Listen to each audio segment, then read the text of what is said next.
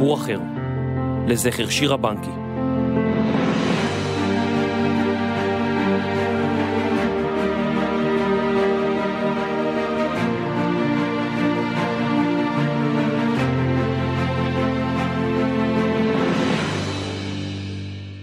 ברוכים הבאים לסדרה סיפור אחר, לזכר שירה בנקי. סדרת אודיו בהפקת דרך שירה בנקי והפודקאסט קטעים בהיסטוריה.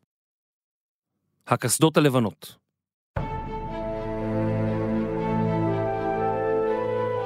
מטוס נשמע בשמיים, כמו רעם מתגלגל. הוא מתקרב לעיר חלב שבסוריה. בדרך כלל, כשמטוס נראה בשמיים, אנחנו חושבים על משהו טוב. מישהו ממריא, אולי לנופש, אולי לנסיעת עסקים. אבל מטוס שמתקרב לחלב הוא כמעט תמיד סכנה ברורה ומיידית. חאלד עומר משקיף מגג הבניין כדי לזהות היכן המטוס יטיל פצצה. רעש מחריש אוזניים, ומיד לאחריו אזעקה. חאלד וחבריו חובשים את הקסדות הלבנות, ציוד בטיחות קריטי שהפך לסמל, סמל של ההגנה האזרחית בסוריה. המתנדבים שועטים דרך רחובות העיר הישר לשכונה שהופצצה. בניין התמוטט. יש לכודים. אנשי הקסדות הלבנות עמלים שעות ארוכות כדי לחלץ את שתי המשפחות שהיו בבניין בעת ההפצצה. אחת הניצולות, בשעה שהיא מחולצת מבין ההריסות, זועקת: איפה הבן שלי? התינוק שלה, בן עשרה ימים, נותר לחוד. ח'אלד וחבריו מביטים בה במבט מלא חמלה. אפסו הסיכויים למצוא מישהו בחיים. הם ימשיכו לפנות את הריסות הבניין ויחפשו אותו, ולו כדי להביאו לקבורה. העבודה נמשכת אל תוך הלילה. לפתע, מתוך איי החורבות, בוקע קול. זהו בכי, בכי של תינוק. כמה מהקירות קרסו כך שנוצר כוך קטן ובו נמצא התינוק. צריך להיזהר שאף לא קיר אחד יקרוס. ח'אלד עומר מושך את התינוק החוצה בהתרגשות. כל חבריו מריעים, הלא הוא אכבר, אלוהים גדול. כשאימו של התינוק מקבלת אותו לידיה, כולם פורצים בבכי. ח'אלד עומר מרגיש על גג העולם. את התינוק מכנים תינוק הנס. נס שהוא שרד את ההפצצה הנוראית ההיא. שנה לאחר מכן נהרג ח'אלד עומר, בעודו מחלץ פצועים. הוא הגיע כחלק מצוות הקסדות הלבנות לבניין שהופצץ, ואז הוטלה עליהם פצצה שנייה. פעילותו של ארגון הקסדות הלבנות הרשימה רבים ברחבי העולם, ובשנת 2016 היו הארגון ואנשיו מועמדים לקבל פרס נובל לשלום. מי אלה אותם משוגעים שנקראים הקסדות הלבנות?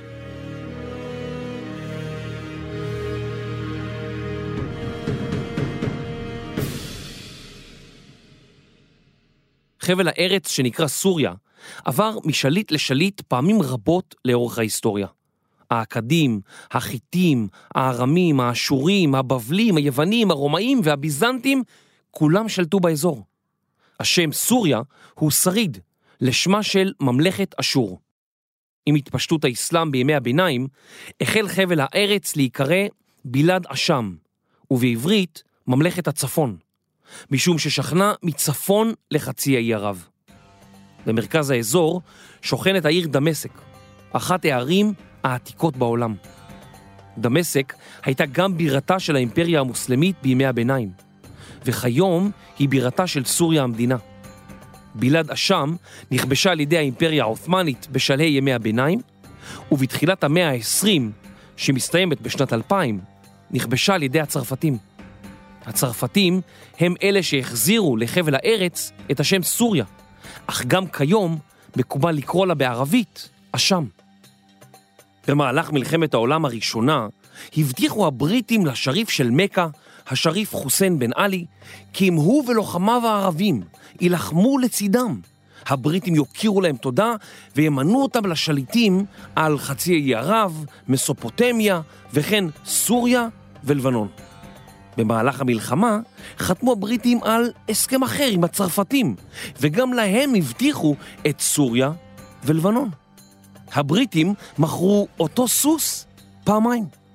בשנת 1919, לאחר מלחמה קצרה, השתלטה צרפת על דמשק ועל סוריה. בניו של חוסיין הפכו למלכים בירדן ובעיראק.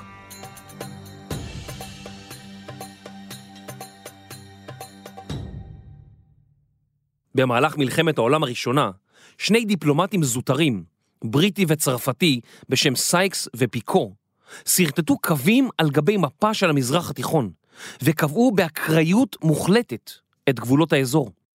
הם גרמו לכך שרבים מהגבולות במזרח התיכון נוצרו ללא קשר לאוכלוסייה המקומית. סוריה, בדומה לעיראק, הכילה קבוצות אתניות רבות שלא היה ביניהן קשר תרבותי, דתי או גזעי. מוסלמים סונים, מוסלמים שיעים, עלאווים, דרוזים, נוצרים וכורדים. בשנת 1946 עזבו הצרפתים את סוריה, שהכריזה על עצמאותה. הממשלות בסוריה התחלפו בקצב מסחרר, והיה נדמה שהמדינה לעולם לא תדע יציבות מהי. אבל אז, הכל השתנה.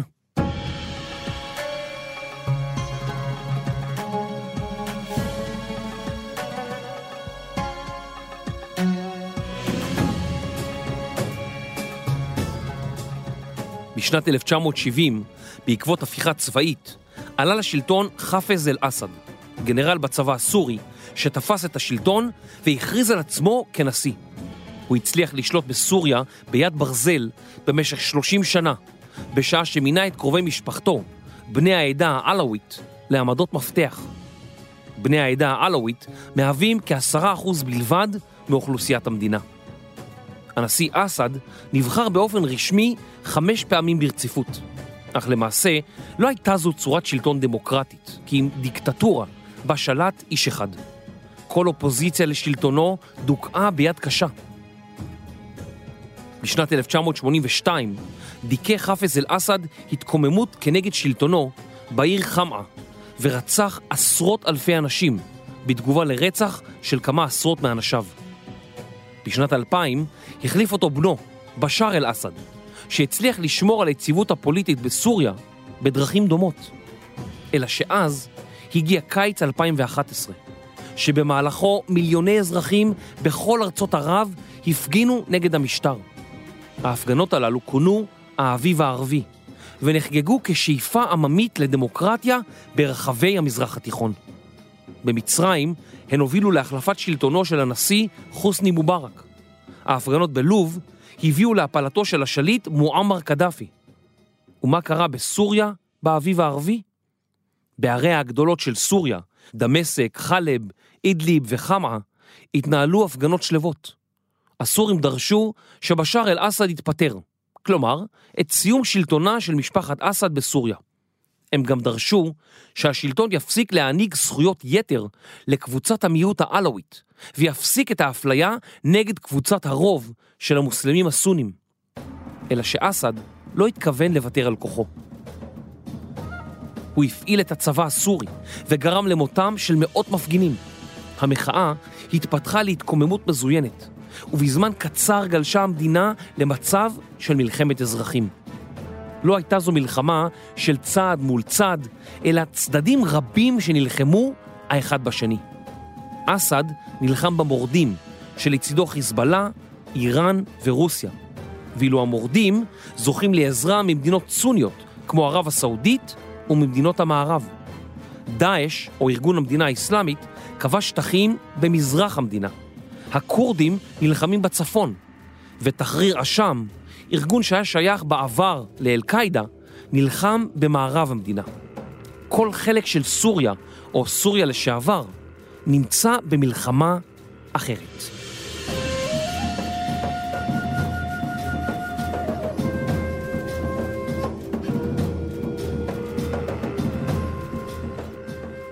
מאז החלה המלחמה בסוריה, כמעט כל התשתית האזרחית במדינה התרסקה. האזורים שנשלטים על ידי כוחות המורדים חשופים למתקפות חוזרות ונשנות של צבא אסד. בתי חולים נהרסו ונסגרו. ילדים הפסיקו ללכת לבית הספר. בניינים ובתים קרסו, ועשרות אנשים ממשיכים להיהרג ממש מעבר לגבול, בכל יום. כתוצאה מהמצב הקשה, רבים פשוט ברחו והגיעו למדינות ערביות, לטורקיה ולמדינות אירופה כפליטים. מבין 22 מיליון סורים שחיו במדינה עם פרוץ מלחמת האזרחים, מעריכים כי 6 מיליון סורים הפכו לפליטים בארצם, ועוד 5 מיליון ברחו למדינות שכנות, טורקיה, לבנון וירדן, ומשם גם לאירופה. מספר העקורים הסורים בקיץ 2017, שש שנים לאחר פרוץ המלחמה, מוערך בכ-11 מיליון, כמחצית מאוכלוסיית סוריה בטרם החלו הקרבות. מחצית.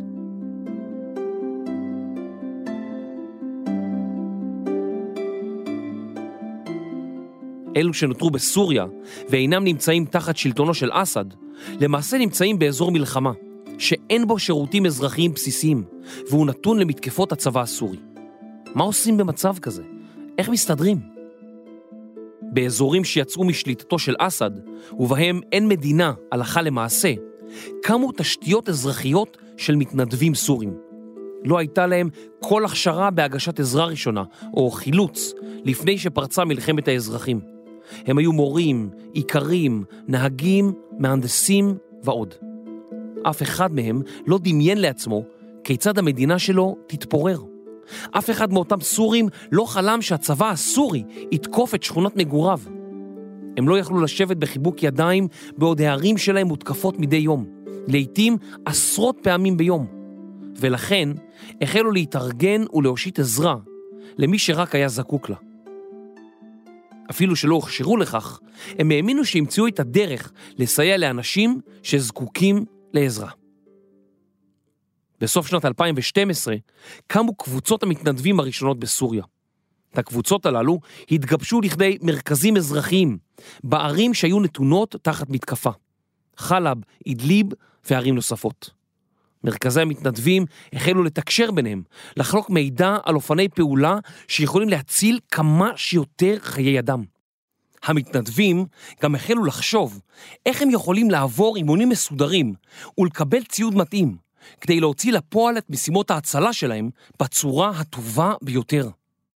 ארגונים התומכים בסיוע הומניטרי הציעו מימון לפעילותם, וכך יצא לדרך הקורס הראשון שהכשיר מתנדבים סורים במשימות חילוץ והצלה. הקורס נערך על אדמת טורקיה, בסמוך לגבול עם סוריה.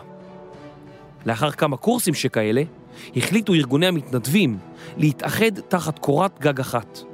ולקרוא לארגון המשותף ההגנה האזרחית בסוריה. זהו שמו הרשמי של הארגון, אבל הוא מוכר יותר בתור אנשי הקסדות הלבנות. מנהל הארגון, ראאד סאלח, לשעבר איש מכירות של מוצרי אלקטרוניקה, הוא מהמתנדבים הראשונים של הקסדות הלבנות. אם תשאלו אותו מהם העקרונות שלפיהם פועל הארגון, הוא ישיב כך, ניטרליות והומניות. הצבע הלבן תואם את עקרון הניטרליות הבינלאומי. אנשי הקסדות הלבנות אינם לוקחים חלק במלחמת האזרחים המשתוללת בסוריה. מטרת הארגון היא לחלץ לכודים ולהושיט עזרה לנפגעים, בין אם אזרחים או חיילים. המשפט שמוביל את אנשי הארגון הוא כל אדם הוא קודם כל אדם. חלק מהמתנדבים בארגון לחמו בעבר בשורות האופוזיציה כנגד אסד, אך כיום בחרו להתנדב בארגון שמציל חיים. אחד מהם, בחור צעיר בשם עבד, סיפר: כשאני רוצה להציל חיים של מישהו, לא אכפת לי אם הוא אויב או חבר. אני מודאג מכך שהנשמה שלו עשויה למות.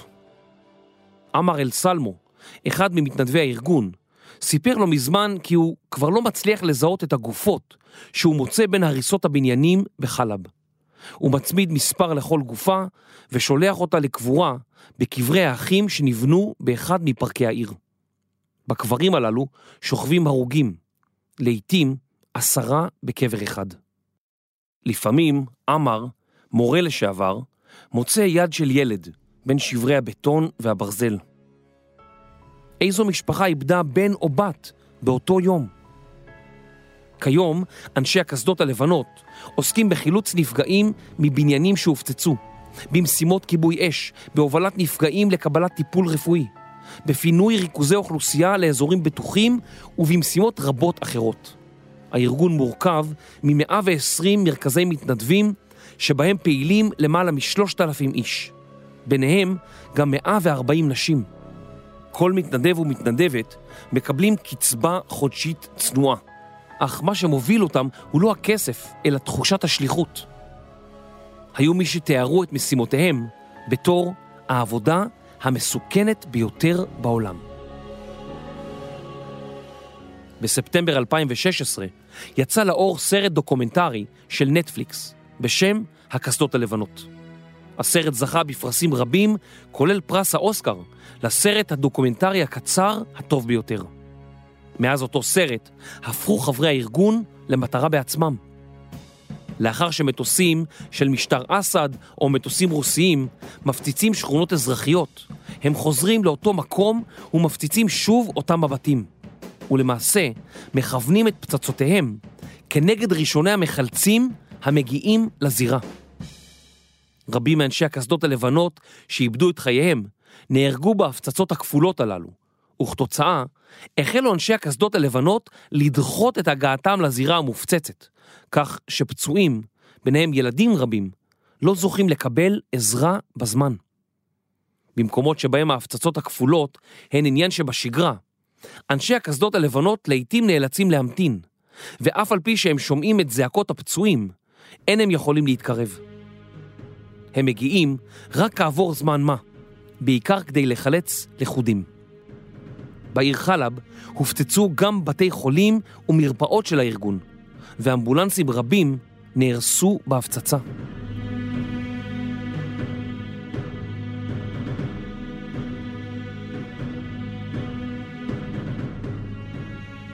אחת המתנדבות בארגון, חסנה, סיפרה: מאוד רציתי לעזור, לא יכולתי פשוט לשבת בחיבוק ידיים. באחת ההפצצות נפגע בניין בעיר אידליב, שבה היא מתגוררת. היא זינקה לזירת האירוע עם הצוות שלה. הצוות הצליח לחלץ אנשים בעזרת עטי חפירה, ולחבוש את מי שהיה זקוק לטיפול רפואי בסיסי. היא סיפרה שבמדינה שמרנית כמו סוריה, לא היה פשוט לנשים להתנדב בארגון. אבל נשות הארגון הוכיחו את עצמן. וחסנה סיפרה כי ברגע שאנשים הבינו כמה מועילות אנחנו יכולות להיות, הם עברו לתמוך בנו, ואפילו עודדו את אחיותיהן להצטרף אלינו. קבוצת אנשים הצליחה גם לגייס כסף מתורמים בכל העולם, כדי לרכוש אמבולנסים חדשים שישרתו אותן, כדי להגיע במהירות לזירת אסון, להושיט עזרה ולהעביר פצועים לקבלת טיפול. מלבד תרומות צנועות של אנשים מרחבי העולם, ההגנה האזרחית בסוריה זוכה למימון ממדינות המערב. בריטניה, הולנד, דנמרק, גרמניה, קנדה, ניו זילנד וארצות הברית. כולן מעבירות מימון לפעילות ההומניטרית החשובה הזו. בזכות פעילותם, אנשי הקסדות הלבנות היו מועמדים לפרס נובל לשלום. לפני כשנה החלו לצוץ כתבות רבות ברחבי העולם המתארות את הקסדות הלבנות כארגון טרור, ארגון שחבריו למעשה לוחמים במסווה. עיתונאים רבים חקרו את מקור הכתבות הללו וגילו שהן מומנו על ידי ארגונים הקרובים למשטרו של אסד ולארגונים הקרובים למשטר הרוסי. כל הבדיקות שנעשו עד היום הוכיחו כי מדובר בארגון הומניטרי לכל דבר, שחבריו מצילים עוד ועוד נפשות, תוך סיכון חיים מובהק. עם זאת, הארגון עצמו פועל אך ורק באזורים שבשליטת מתנגדי אסד, ורבים מהלוחמים הללו, באזור בו הם פועלים, אינם בוחלים בעצמם בשיטות אכזריות לדיכוי הצד השני. בשל כך, הארגון נותר כארגון הצלה של צד אחד בלבד, ובמצב זה הוא זוכה גם לביקורת רבה כלפיו. ייתכן וחלק מהביקורת מוצדקת, וייתכן כי אילו אנו היינו מהצד השני של המתרס, היינו גם כן מסתכלים על הארגון בחשש ומאשימים אותו בנקיטת צד. עם זאת, רוב העיתונאים הרציניים בעולם, שעשו עבודות תחקיר מקיפות על הארגון, מסכימים כי אנשיו אכן מסכנים את חייהם כדי להציל חפים מפשע. באוגוסט 2017 רצחו אלמונים ביריות שבעה ממתנדבי הארגון בעיר אידליב. האלמונים גנבו ציוד רב מהמרכז הרפואי בו שהו אנשי הארגון, ואז נעלמו. באותו חודש זכה הארגון בפרס נוסף על עשייתו, אחד מעשרות פרסים שקיבל בתקופה האחרונה. ראאד סאלח, מנהיג הארגון, אמר עם קבלת הפרס, ראינו מלחמה, אין בה מנצחים, התפללו לשלום.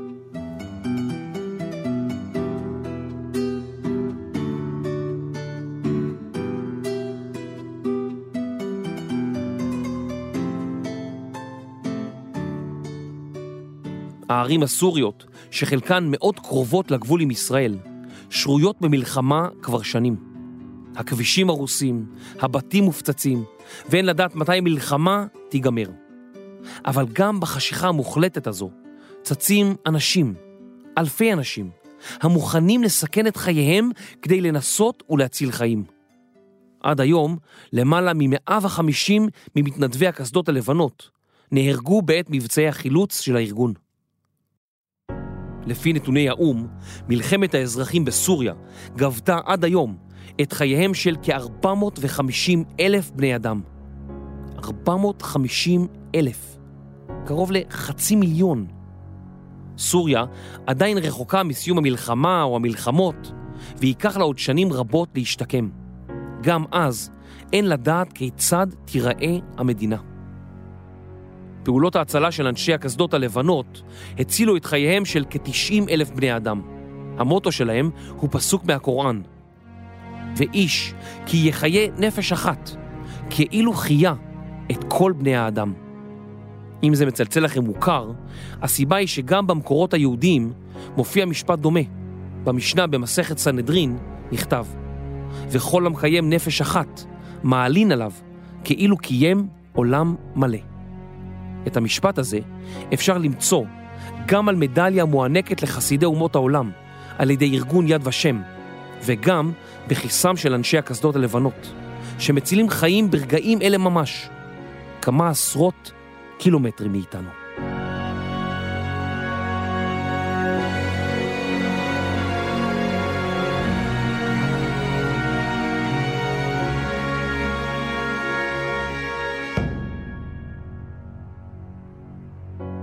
ביולי 2015 צעדו שירה בנקי וחבריה במצעד הגאווה, מתוך אמונה בזכות אחרים לחיות את חייהם כפי שהם רואים לנכון.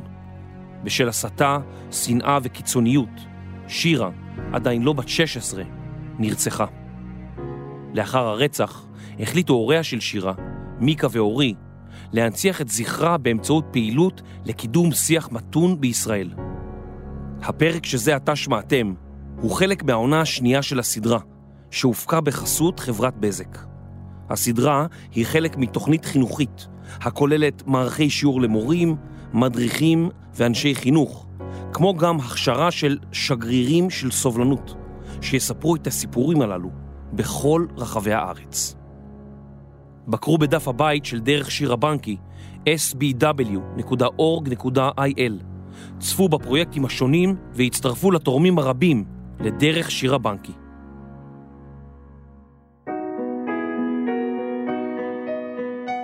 מחקר וכתיבה, תומר שלוש. עריכה וקריינות, יובל מלכי. עריכת לשון, דינה בר מנחם. מפיק ראשי, רני שחר. הקלטה ומיקס, אסף רפפורט. הפרק הוקלט באולפני סוף הסטודיו. תודה לחברת בזק שסייעה בהכנת פרק זה. סיפור אחר לזכר שירה בנקי.